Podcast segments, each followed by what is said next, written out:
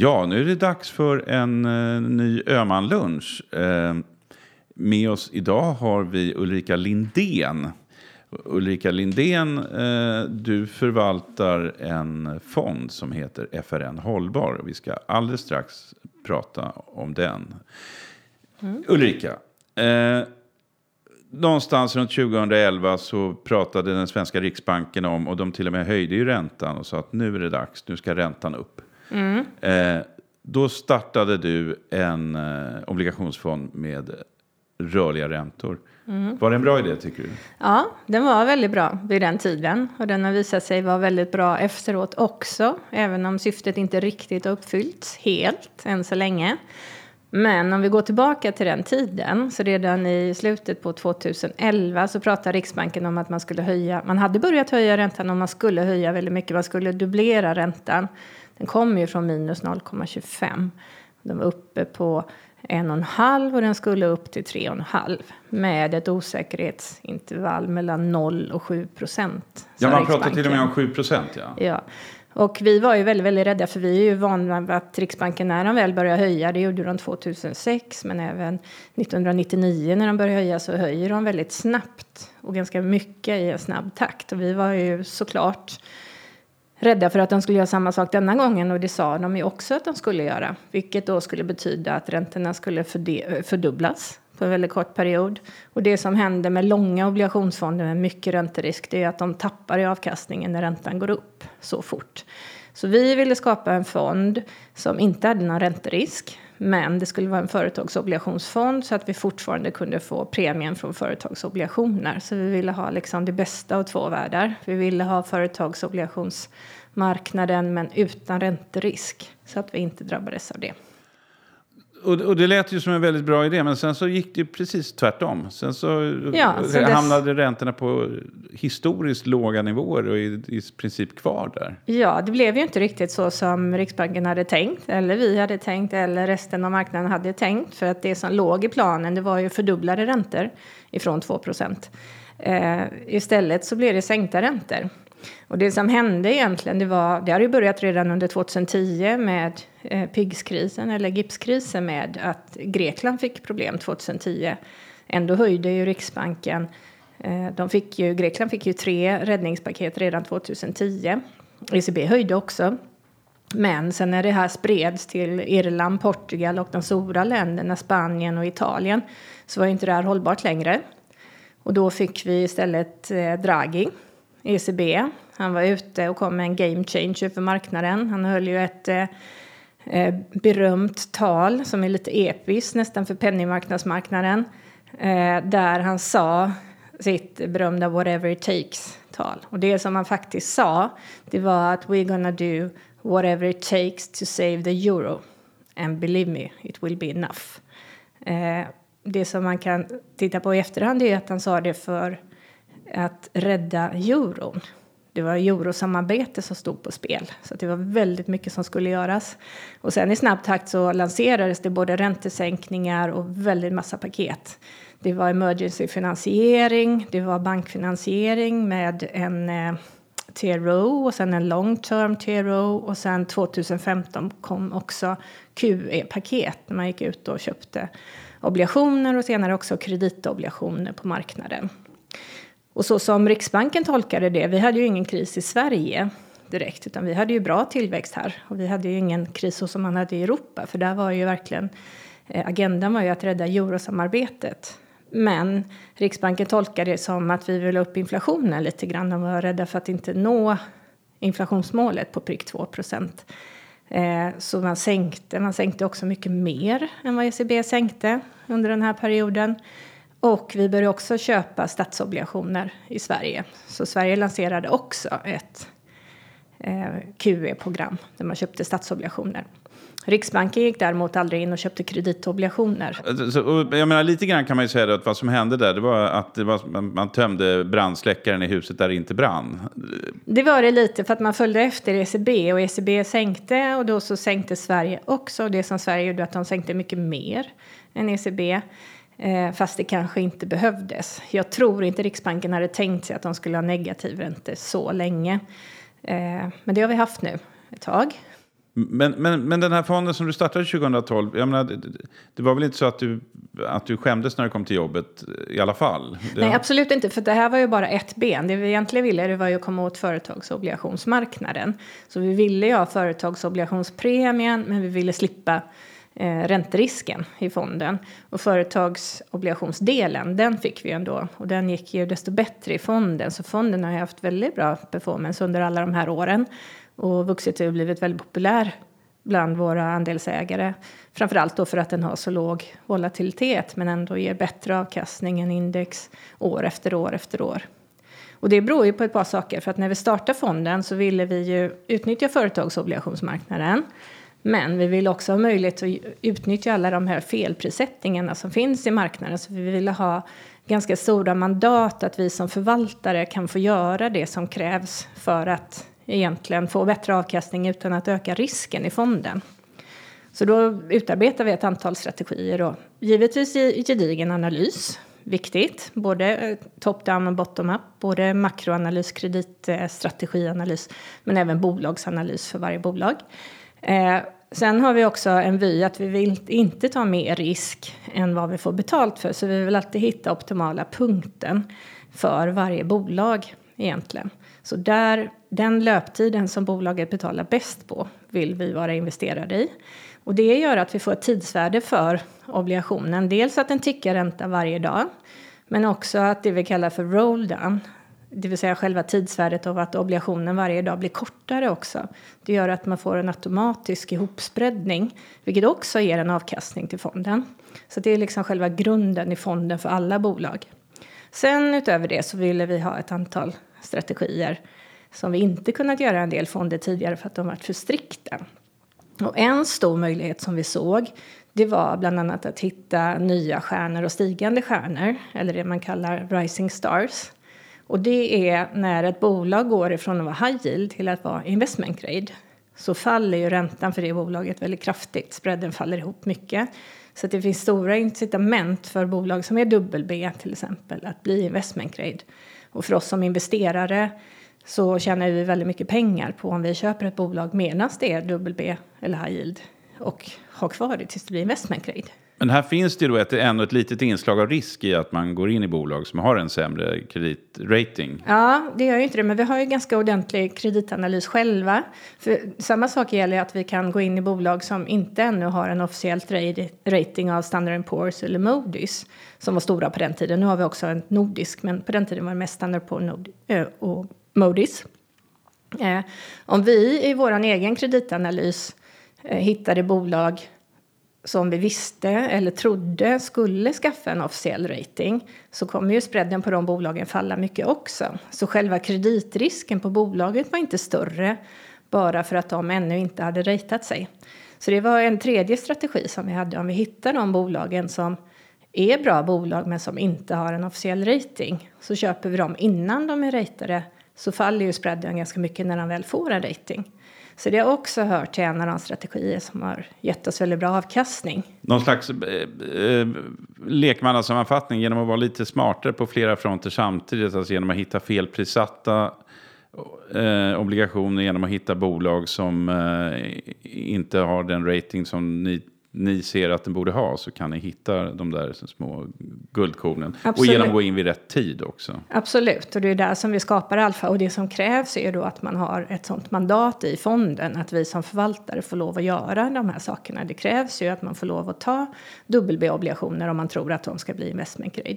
Det krävs ju att man får investera i bolag innan de har fått den officiella, för att då har man ju liksom redan missa tåget så att säga. Så fonden skapades på det sättet så att vi som förvaltare kan utnyttja de felprissättningarna som finns. Och det har över tid eh, visat sig att det levererar väldigt, väldigt mycket avkastning. Om man ser på till exempel det indexet som vi har som jämförelseindex eh, är ju Nasdaqs FRN-index. Och vi har ju slagit det med ganska mycket år efter år efter år just för de här strategierna som kan skapa alfa i fonden utan att öka risken. För att om du tittar, om du jämför volatiliteten, hur mycket det varierar värde dag till dag, så är det inte speciellt stor skillnad. Utan det är fortfarande låg risk. Den här fonden den är ju till för eh, investerare som vill ta eh, väldigt liten risk utan att köpa statspapper. Skulle man kunna, skulle man kunna sammanfatta det så? Mm. Jo, men det är det. Så det är ju företagsobligationsmarknaden, men vi rör ju oss i investment grade. Så det är ju den bästa kreditrisken ett bolag kan ha. Eh, och sen så eh, diversifierar man ut risken lite när man har en fond också. Företagsobligationer, framförallt i en sån likvid marknad som Sverige, det ska man inte investera i själv. Det ska man alltid ha i fondform. Och du ska ha en aktiv förvaltning. Därför att eh, för det första så det funkar inte att ha en indexfond i, i Sverige. Men skulle det finnas en indexfond eller sådana som är väldigt strikta eller väldigt nära så missar du alla de här chanserna till bra avkastning. Ja, då kunde man lika gärna investera i statspapper i alla fall. Så att säga. Alltså det blir, ja, blir för, eller du får, du får i alla fall mycket mindre extra mm. i avkastning. Sen har du ju lite volatilitet i företagsobligationer också. De spreadarna går ju isär och de går ihop. Så att det är ju inte riktigt statspapper. Men om du hade investerat i statspapper de sista två åren, det enda du vet är ju att du får negativ avkastning mm. i en penningmarknadsfond eftersom räntan har varit minus en halv procent. Så då går du in och vet att jag kommer få en halv procent. Så då är det ju bättre att ha en fond som då är snett 1,5 procent bättre än FRN-index som då i snitt har varit ungefär 2 procent bättre än money market. Mm.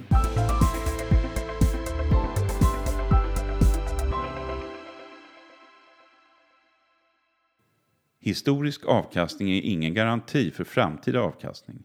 De pengar som placeras i fonder kan både öka och minska i värde och det är inte säkert att du får tillbaka hela det insatta kapitalet.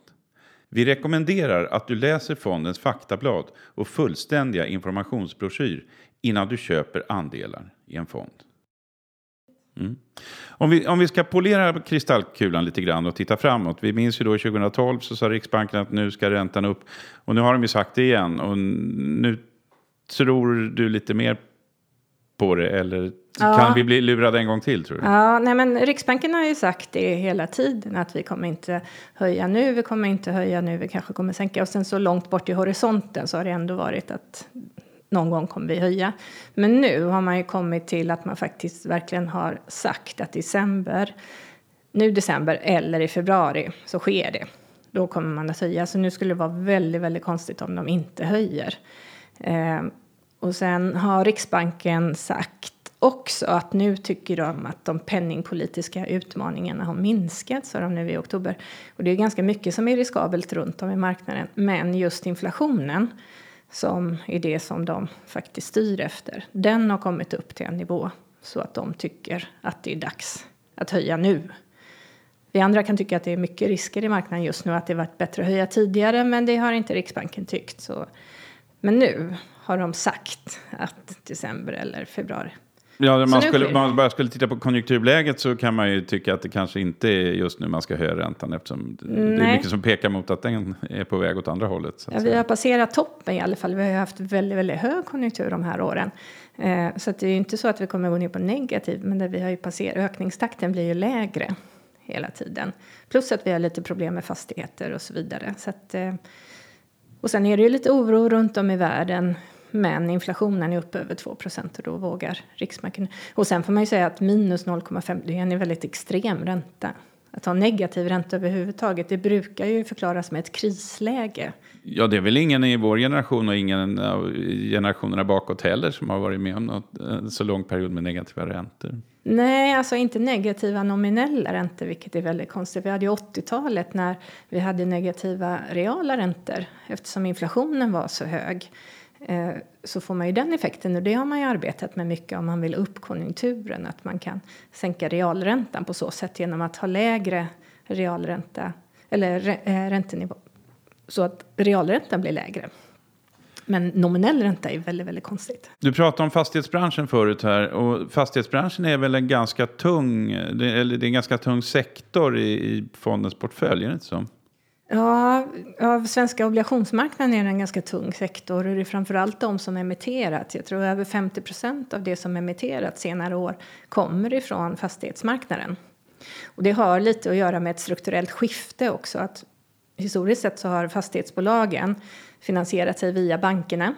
Och sen när det ändrade sig med bankernas reglering, att de fick högre kapitalkrav på sig, så Eh, fick fastighetsbolagen gå ut på obligationsmarknaden och finansiera sig direkt. Så att de breddar sina finansieringskällor och går ut och också emitterar obligationer. Så att de inte bara har allting i bankinlåning. Det är också ett krav för att de ska kunna bli investment grade till exempel. Också ett krav för de eh, fastighetsbolagen som faktiskt börjar bli väldigt stora och vill finansiera sig på euromarknaden och så vidare. Då måste du ha obligationer och du måste ha en rating.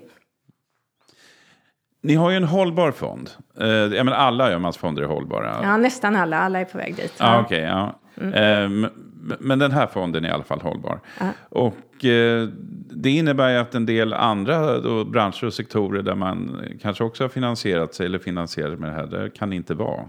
Nej, det är ju, i maj i år så gick vi upp till den allra jag ska säga, alla Öhmans fonder är ju etiska. Vi har tre olika nivåer.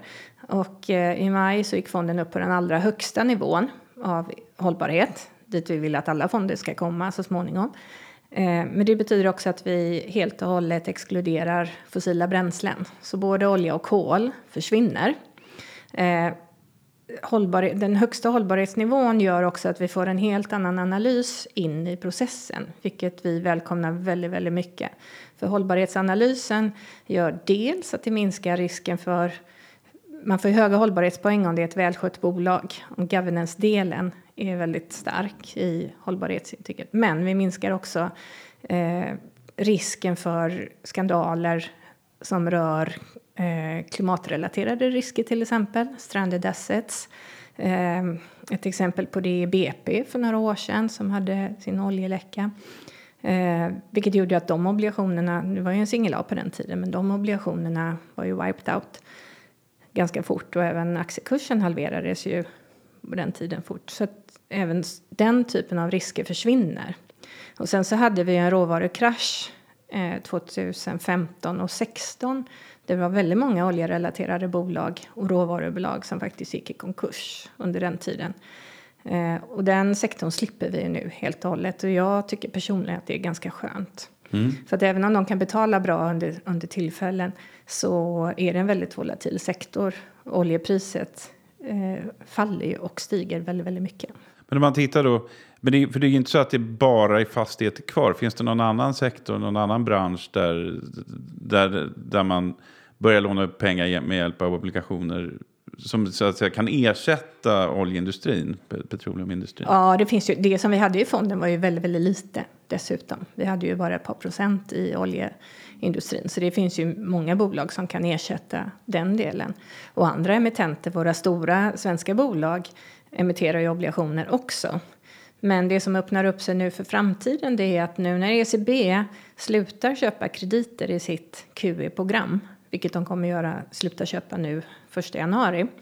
Eh, det har gjort att spreadarna, kreditpremierna i Europa, nästan fördubblats under förra året. Vilket gör att den marknaden börjar se attraktiv ut. Och det har den inte gjort sedan 2015 när de började köpa obligationer där. För det har varit jätte, jättedyrt i och med att ECB har legat där och köpt upp varenda emission som har kommit. Eh, nu gör de inte det längre, så då börjar vi tycka att det finns värde där. Så hittills har det varit så att obligationer har betalat bättre i Sverige för samma emittent fast i olika valutor. Och nu ser vi tvärtom, att vi kan röra oss ut till euromarknaden.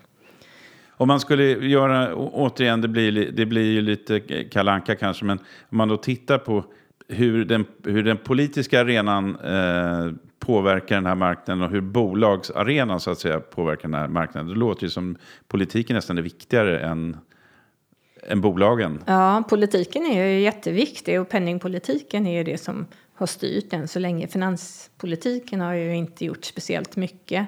Den har ju varit lite död sen det överenskommelsen de senaste fyra åren och nu efter det här valet har vi inte ens någon regering så vi har ingen budget att förhålla oss till riktigt. Eh, och även eh, Riksbanken är ute nu och efterlyser såklart eh, åtgärder ifrån finanspolitiken. Så penningpolitiken kan inte sköta allting utan finanspolitiken måste ju också vara beredd om det kommer en krasch till exempel. Eller för att rätta till saker och ting. Och nu tyvärr så var det ju så att när Riksbanken tappade mandatet att vara ansvarig för stabilitetspolitiken så var, och det gick över till eh, eh den finansiella politiken istället, eller finanspolitiken, så var inte de riktigt redo. Så det här lagförslaget med amorteringstak till exempel tog ju flera år och kom kanske lite väl sent. Så att det lanserades lite vid fel tidpunkt. De tvingades upp på läktaren men de hade svårt att ta sig därifrån när det väl var dags att göra någonting. Ja, kan så säga. kan man kanske säga också. Och även om det kommer en rad av åtgärder nu som skulle ha kommit för tre, fyra, fem år sedan så kanske de kan göra mer skada än nytta om de lanseras först nu när vi redan står inför. Vi har ju redan fått fallande priser 10-15 procent. Ja, så det är inte nu man ska försöka, ska försöka lugna, kyla ner marknaden när marknaden Nej, redan den håller är... på att kyla ner sig själv just nu. Men det hade kanske varit bra om man hade gjort det här för fyra, fem år sedan då när priserna steg 10-20 procent varje år. Men om man tittar på din fond här nu då. Mm. Hur, alltså, räntorna är på väg upp och det borde ju då skapa möjligheter till större avkastning naturligtvis för fonden. Mm.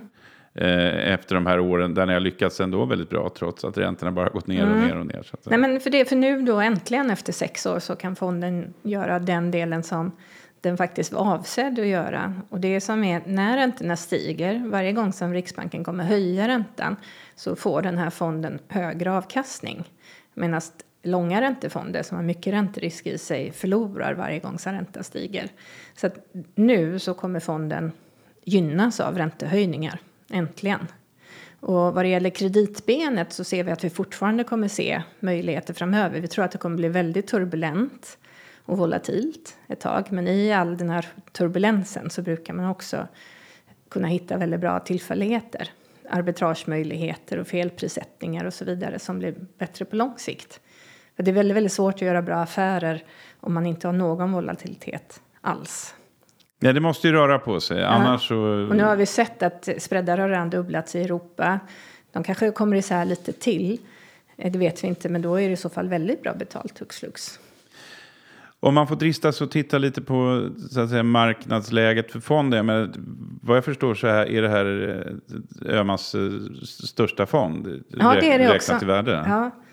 Ehm, den har varit väldigt populär genom åren och framförallt i år så är det många som tänker att när Riksbanken väl börjar höja så är det här ett väldigt bra ställe att gömma sig. Men också så har den visat sig under alla de här åren har den ju år efter år presterat bra mycket bättre än index eh, och med väldigt låg volatilitet. För att oavsett om räntor höjs eller är låga så långräntor eh, rör sig ganska mycket och skapar volatilitet i fonden. Medan du har mycket jämnare avkastning från dag till dag eller vecka till vecka i en sån här fond. Däremot så är den ju inte som en penningmarknadsfond för den är ju beroende av företagsobligationsmarknaden och spreadar rör sig också upp och ner. Så man kan ha ett par månader med negativ avkastning på raken. Men tror du att fler kommer att springa till den här fonden och vilja, vilja vara med och lägga mer av sitt kapital i, i den här obligationsfonden nu? Ja, ja det tror jag absolut. För fond, fonden funkar jättebra när räntan kommer höjas och jag tror att människor är väldigt kloka människor och rationella och då ska man ha en sån här fond. Du har just stått på en lunch och pratat om det här. Det var en väldigt välbesökt lunch vad jag förstår. Ja, det var väldigt många som var intresserade. Det är mm. jätteroligt. Vad ställer de för frågor till dig? Eh, de ställer ungefär de frågorna som du har ställt. Eh, vad vi ser framöver. Och vi ser precis som jag sagt till dig att det kommer bli rörigt framöver. Eh, vi ser räntehöjningar såklart. Vi vet inte hur mycket. Vi vet inte om Riksbanken kommer kunna höja så mycket som de har sagt att de ska göra. Antagligen inte. Det vet vi inte. Men alla är ganska samstämmiga att det kommer höjningar nu. Och det kommer bli rörigt på kreditmarknaden. Och det ser vi som positivt i ett längre perspektiv. Även om, om det blir mycket brus i ett kortare perspektiv. Men det är då vi hittar möjligheter. Jag då som inte har, har pengar i din fond, mer en vanlig människa. Jag, jag, är hemskt ledsen. Ja. Jag kan ju känna en viss oro för att man börjar höja räntorna nu när konjunkturen är på väg ner. Att man får så att säga, en konjunkturhämmande effekt. Ja, ja det gör det. jag också. För att jag kan ju tänka mig tusen andra tillfällen de sista åren som varit bättre att höja räntan än just nu. Vi har haft jättehög tillväxt i Sverige under, under många år. Men Riksbanken har verkligen bara fokuserat på inflationen. Och eh, ja, det är ju mm. olyckligt, men det är så de har gjort. Ja, eh, efter eh, en lång period, flera år i skuggan av väldigt låga räntor så blir det nu räntehöjningar och skakigt och stormigt. Och då kommer FRN Hållbar att trivas och, och växa ytterligare, eller hur Ulrika Lindgren? Ja, nu äntligen händer det efter många år. Men det blir väldigt bra för fonden i alla fall om man får höjt ett par gånger så man kommer upp över negativa gränsen. Och sen tror vi att vi fortsätter kommer ha bra performance på företagsobligationssidan. Och som vi sa tidigare så tror vi att det blir väldigt turbulent. Men i all turbulens kan vi också hitta bra placeringsmöjligheter. Så det är ju lite jobbigt på kort sikt kanske, men blir väldigt bra på lång sikt. Så nu är det dags. Nu är det dags. Tack Ulrika Lindén för att du hade tid att sätta dig ner med mig ett tag. Jag heter Jan Göransson och ni har lyssnat som sagt på Ulrika Lindén och vi har pratat om Ömans fond FRN Hållbar. Mm, tack så mycket för att jag fick komma. Tack. tack. Hej då. Hej.